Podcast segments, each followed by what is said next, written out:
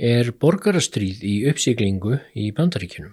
Mjög sennilega, segir í nýri bók. Barbara F. Walters er sérfræðingur í aðdraganda borgarastyrjaldanna í fyrrum Júkoslavíuríkjum og hún hveðs nú sjá flest merki þess sem þá gerðist að verki í bandaríkjunum.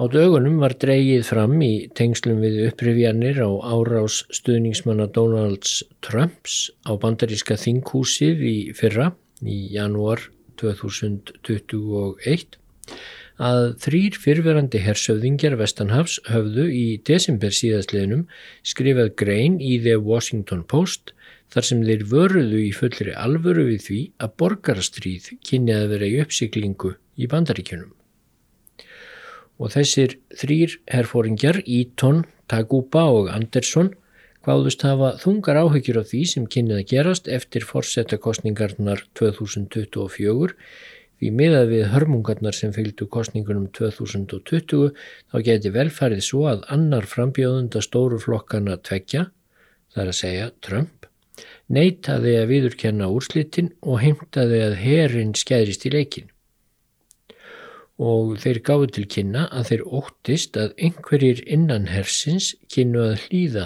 slíkum bóðum. Annar vábóði byrtist á himni Vestanhafsum áramótin bók eftir Barbaru F. Walter, professor í alþjóða samskiptum við Kaliforníu háskóla. Bókin hennar heitir How Civil Wars Start, hvernig borgarastríð brjótast út og Volter veit meira en margir aðrir um það því hún fylgdist mjög vel með sundurlimun Júgoslavíu á sínum tíma og eh, hvernig grimmileg borgarastríð fylgdu þá í kjálfarið. Þar bendir Volter á að líðskrumarar hafa geta nýtt sér vel eina helstu kveikjuna að borgarastríðum fyrir og síðar en það er ótti einhvers tiltekins hóps eða hópa við að missa spón úr aski sínum, efnahagslega eða menningarlega. En öll dæmin sem Walter nefnir í bókinni eru þó fyrst og fremst formáli að ábendingum hennar um að það sem varð kveikjan að styrjöldunum í Júgoslavíu sálugu sé nú þegar flest til staðar í bandaríkunum. Í bandaríkunum róa nú demagókar í íbúum ættuðum frá norður og vestur Evrópu og hagnýta sér óta þeirra við að latneskir íbúar og svartir eða frá Asíu hrifsi af þeim yfirburða stöðuna. Óttin er orðin svo mikill að sumir republikanar eru farnir að hatast alveg jamt við aðra kvíta íbúa sem þeim finnst verið að svíkja þá með því að deila ekki óttanum þar að segja demokrata og ástandið er farið að líkjast púðurtunnu. Engin vil trúa því, segir Walter sem kantur í dómi í The Times í London að þeirra heittelskaða líðræði sé á fallanda fæti eða það stefni í stríð en nignun er oft svo hæg að fólk tekur oft ekki eftir henni eða skilur ekki hvað er á segði þótt að sé í ringi íðunni miðri. En Volter fullriðir að öll hættumerki séu til staðar ef fólk áttar sig á þeim eða þorir að horfast í augu við þau. Ef þú værir, skrifar hún, greinandi í öðru landi að skoða atbyrði í Ameríku alveg á sama hátt og þú myndir rannsaka atbyrði í Úkrænu eða á Fílabeinströndinni eða í Venezuela, þá getur þú farið yfir gáttlistanðin og metið hvert og eitt atriði sem gera borgarastríð líklegt og niðurstaðu þín yrði svo að bandaríkin, líðræðisríki sem stofnað var fyrir meiri enn tveimur öldum, það er komið á mjög hættulegan stað. Rittómarinn í The Times, David Aronovich, segir að þótt hann líti síður en svo á sjálfan sig sem æsingamann af einu tægi, þá geta nú ekki annað en deilt áhyggjum Walters. Þegar ég horfa á það sem gerst hefur í bandaríkunum síðan 2016 og alveg sérstaklega atbyrði síðustu tvekja ára, skrifur hann, þá renna á mig tvær grímur. Venjuleg pólitík er nær alveg horfin úr umræðunni í samfélaginu, heldur snúast nú svo til engöngu fyrir annan aðilann að minnstakosti um upprunna sjálfsmynd, menningu og glatað hlutskipti í lífinu. Mál Kyle Rittenhouse snýrist um vopnaðamenn sem ráfuðu um stjórnlaus hverfi og skutu hverfannan ekki í glæpsamlegum tilgangi heldur pólitískum. Og vopnaðir flokkar og breyttra borgara eða milísjas raða sér þungvopnaðir á tröppur ráðhúsa. Aronovich skrifar ennfremur Svo rann upp 7. janúar 2021 þegar ráðist var á þinghúsið í Washington og pólitískir stigamenn reynda að koma í vekk fyrir að líðræðislega kjörin fórseti tæki við völdum. Jável enn alvarlegra er svo hvernig það sem leini þjónustan CIA kallar blákalda uppreysn eða Clear Insurgency hefur verið smættað af republikanarfloknum og stöðningsmönnum hans. Volter er greinileg ekki tilbúin til að lýsa því yfir að bláköld uppreysn eða clear insurgency sé þegar hafinn, þótt ílvígar blikur sé á lofti. Samkvæmt skilgrinningu þeirri sem sé í anotar og Volter stiðist við í bóksinni, þá hafa bandaríkinn þó þegar farið í gegnum fór uppreysn og upphafstegs uppreysn. Bláköld uppreysn myndi hins vegar hafa ég för með sér langtíma ofbeldi, samkvæmt skilgreiningu, um leið og ævirkari öfgamenn gera árásir með aðferðum hriðjverkamanna og skerfliða þar á meðal með launmorðum og fyrirsátum. Í bóku Volters rekur hún hvernig þetta gerðist í eh, Júgoslavíu og hún skilgreinir ástandið í bandaríkjunum þannig að niðurstaðan er beinleinis hrollveikjandi. Samkvæmt stöðlum stjórnmálafræðinnar þá flokkast bandaríkin nefnilega ekki sem fullkomið líðræðisríki lengur. Það er einhver staðar á milli líðræðis og alræðis. Volter notur orðið anokrasi um ástandið núna en það er þýtt í íslenskum orðabókum sem herraræði þar sem yfirstjættarhópar berjast sífelt um völdin. En uh, það er þó reyndar ekki nákvæmlega það sem volt er á við en það er orðarótin anó í þessu tilfelli komið af anarki eða stjórnleysi.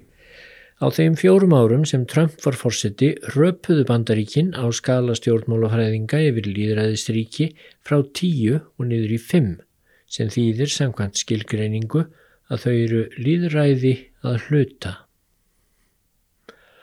Aronovits er ekkur í The Times þau skilirði fyrir borgarastríði sem Volter telur þegar fyrir hendi í bandaríkunum. Þeir sem flokka sig sem kvítakjósendur verða æg uppteknari af því sem þeir telja sig hafa tapað eða vera í þann vegin að tapa í hendur annara. Það eru bæði efnislegkjæði og sjálf menningin og þjóðarvittundin. Hún minnir líka á Volter að árið 2045 muni kvítir bandaríkjumenn þar að segja beinir afkomendur Evrópumanna nema helst spánverja vera orðnir minni hluti í landinu. Svo er nú þegar raunin um íbúa tveggja fjölmennustu ríkjana, Kaliforníu og Texas. Æskarpar í skil verða jafnframt milli íbúa stórborgarna annarsvegar og íbúa dreifbílis og smerri bæja og borga hinsvegar. Volt er bendir raunar á að þeir sem hún segir að vilji flokka sig sem síni moldarinnar eða eitthvað því um líkt, þeir séu næri alltaf í fararbróti átaka þegar borgarstríð brjótist út og líti á sig sem hreina og óspilta andstætt hinnum syndum spiltu borgarbúum. Þetta síðasta hefur verið sem rauður þráður í allri sögu mannsins og dugir að minna á hvernig íslenskir bændahöfðingjar og stuðningsmenn þeirra höfmuðust alla tíð gegn sollinu mikla í Reykjavík. Jafnvel þegar aðeins byggu nokkur hundruð manns í bænum um miðbygg 19. aldar.